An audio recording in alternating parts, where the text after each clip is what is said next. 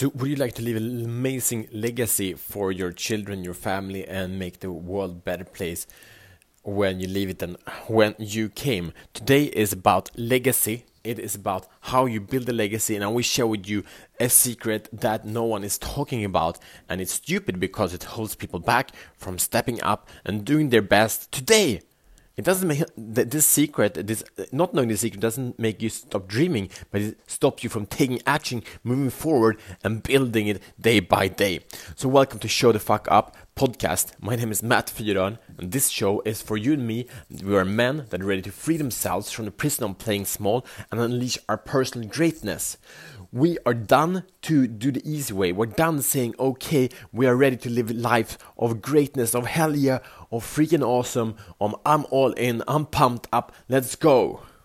That's the standard that we are playing at. So now, today, we'll speak about purpose. We'll speak about purpose and making impact from our passion, from our power, from the profits we're making. What is the actual purpose? What is the actual thing that you want to create? And I think you have a sense of it. And if you don't know it, you do know it. And I had a conversation with a friend this weekend.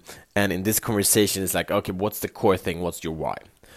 And he didn't know. He like uh, blah, blah, blah, like all kinds of everywhere. And he's an amazing creator and, and, and an artist. And his core is so clear, but you know, for him it was not there are many ways to find it but it's the thing is like it doesn't it's not about going for perfection. Usually it's a simplification. It's like i want this amazing beautiful freaking inspiring speech thing that will touch people's hearts. Like that's awesome but don't start there. Like martin luther king didn't start with i have a dream. He stepped on in one direction of purpose stepped to the next step to the next and then it wasn't after the years or probably even decades before he stood there and said i have a dream inspiring us still today, right? This is the power legacy. So how do we get there? So uh, if you want a, a, quick question that I asked my friend that gave him a lot of clarity was this. Ready? And was this? If there is one thing that you have shared, that you have realized that you didn't know before, and after realized that your life had an important uh, change, you became a different man. You saw the world in a different place. And this thing this, if you could choose one thing, what would that be that you could share with everyone in the world? And they wouldn't only hear it intellectually, they would also understand it and embody it and become it in the same way as you have become. And by them becoming that, you're certain that the world will become a better place.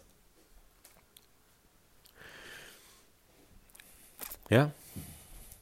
And for him, that was to to you can follow your dreams. Kind of, like, sorry, follow your dreams. You can achieve them even if it's really hard.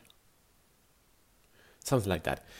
And and I know this man's story, and he's been working hard, and he's one of the most tenacious men out there. Like he's getting on it. He's getting even like when things are really hard, he's getting up. He's standing up. He keeps on fighting. He keeps on putting in the work. And it's not because the raving feedback, but it's because he's disciplined, he's dedicated, he's passionate, he loves what he's doing, right? So, uh, and he's really successful, and that is that is what I said. That's the foundation for success. A couple days ago, we spoke about the game to win. His game to win is putting in in the hours, putting in the work, putting in the passion. But here's the key. Here's the secret. Ready for the secret to create a powerful legacy?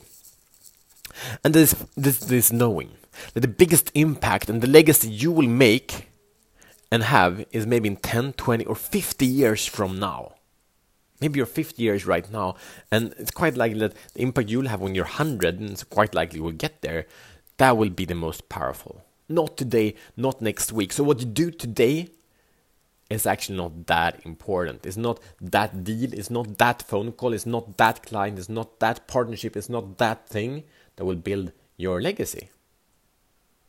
I'm not saying it's wrong, these things, but I say that's the thing.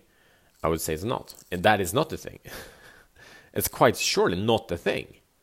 I saw a beautiful interview with with some guy interviewing Gary Vee, and it's like, oh, this is a good good moment for you, isn't it? Like interviewing him and you know his audience and all these things. Like, but this is not it for you. This is just one thing of everything you need to do. This might be like a little bit bump up, but soon you'll fall back to normal again. This moment is not the moment that's gonna make your your like one hit wonder, like make you you you shine in all of the world. It's not so so with the realization that it's gonna take time. So if if you just 10 years the biggest impact and legacy you're about to create the you envision for yourself is in 10 years from now.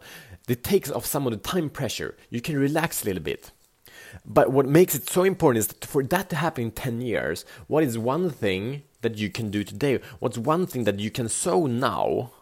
And what seeds uh, can you sow? What seeds of experience, insight, and relationships can you sow today for your dream, big dream of doing or creating or becoming in your legacy? What can you sow so that can grow and so that in 10 years can harvest that? What's an experience, insight, relationship that you are sowing, investing in today? Your big dream of doing something, creating something, or becoming something in 10 years, 20 years, 50 years will manifest. And what happens is it like becomes so easy, right? Because I don't know what what what, what I mean, like I'm I'm here to free men from the prison, of playing small and unleash their personal greatness. So if I do that with my, and, and if working like one on one and helping one or five men per day, that is not my legacy. That is not my legacy. But also I know it's only by doing that that I will fulfill my legacy. I will fulfill my potential. I will free the world from abuse of women, ch- children, men. That is the thing one step at a time, one podcast at a time, one conversation at a time. That's all I can do. That's all I ever will do. And one point, my audience will be bigger, and so on and so forth. But it's putting in in the reps in that sense. So, what are the connection states, experiences, resources, and skills you need to acquire to create that legacy? Yeah. Okay, so this is powerful. So by that, we build a legacy slowly. The point is, if it goes fast to build it, it will go fast to destroy it. Build your legacy today, and you might be in this situation like, hey, what, what? I don't know what my legacy even is. You're already building it by how you're showing the fuck up in the world. So, what is the legacy you're already building? So, this is an invitation to bring you up to more conscious level to say what experience, insights, relationship do you need to put in there to create a manifest the legacy of doing, creating, or becoming because maybe you're right now creating a future of abuse, of pain, of frustration, of overwhelm. Is that what you're voting for in the elections? In the way how you vote by your money or, or how you are relating to others? Okay, here is your mission should you choose to accept it. This is a powerful, it's four different perspectives. Number one, for you to be able to move forward, we need to, to know uh, where we are so identify where are you now? What, what's the platform you're standing on? Number two, know uh, what you want to create. And that is um, basically like, okay, what is your 10 year legacy goal, kind of thing like that. Cool. But it's also a, a, a direction because I don't want you to create a map because no maps work because like even you know nature changed right just was in this this museum and they showed how how in, in Scandinavia here how the land is is rising right and it's been rising i think it's like 50 meters the past 4000 years. So that changes the water level a lot. So the map is not effective but if we have a compass like this is the direction i want to go north north. And even if i take a detour to go south for some way i will still go back to go north right? So we need a compass not a perfect map. What direction do you want to go? That's step number two. Number three know the first step to take now. That's so important now. Because so many men are waiting for perfection and perfection leads to nothing. So you need to move forward now. Can even again can be if you want to go north you walk south but it's better than staying where you are. All right. Number uh, four have an idea on the steps after the first steps. But it's only an idea. It's not the map. It's not the exact step because when you take one step and say shit that was swamp. My foot sunk deeper then you will put need more energy more force to get out of it and take the next step. Right so in constant adaptation. So go, here's the perfect plan, and say, fuck that, that's the worst plan ever because it's not built for flexibility. All right?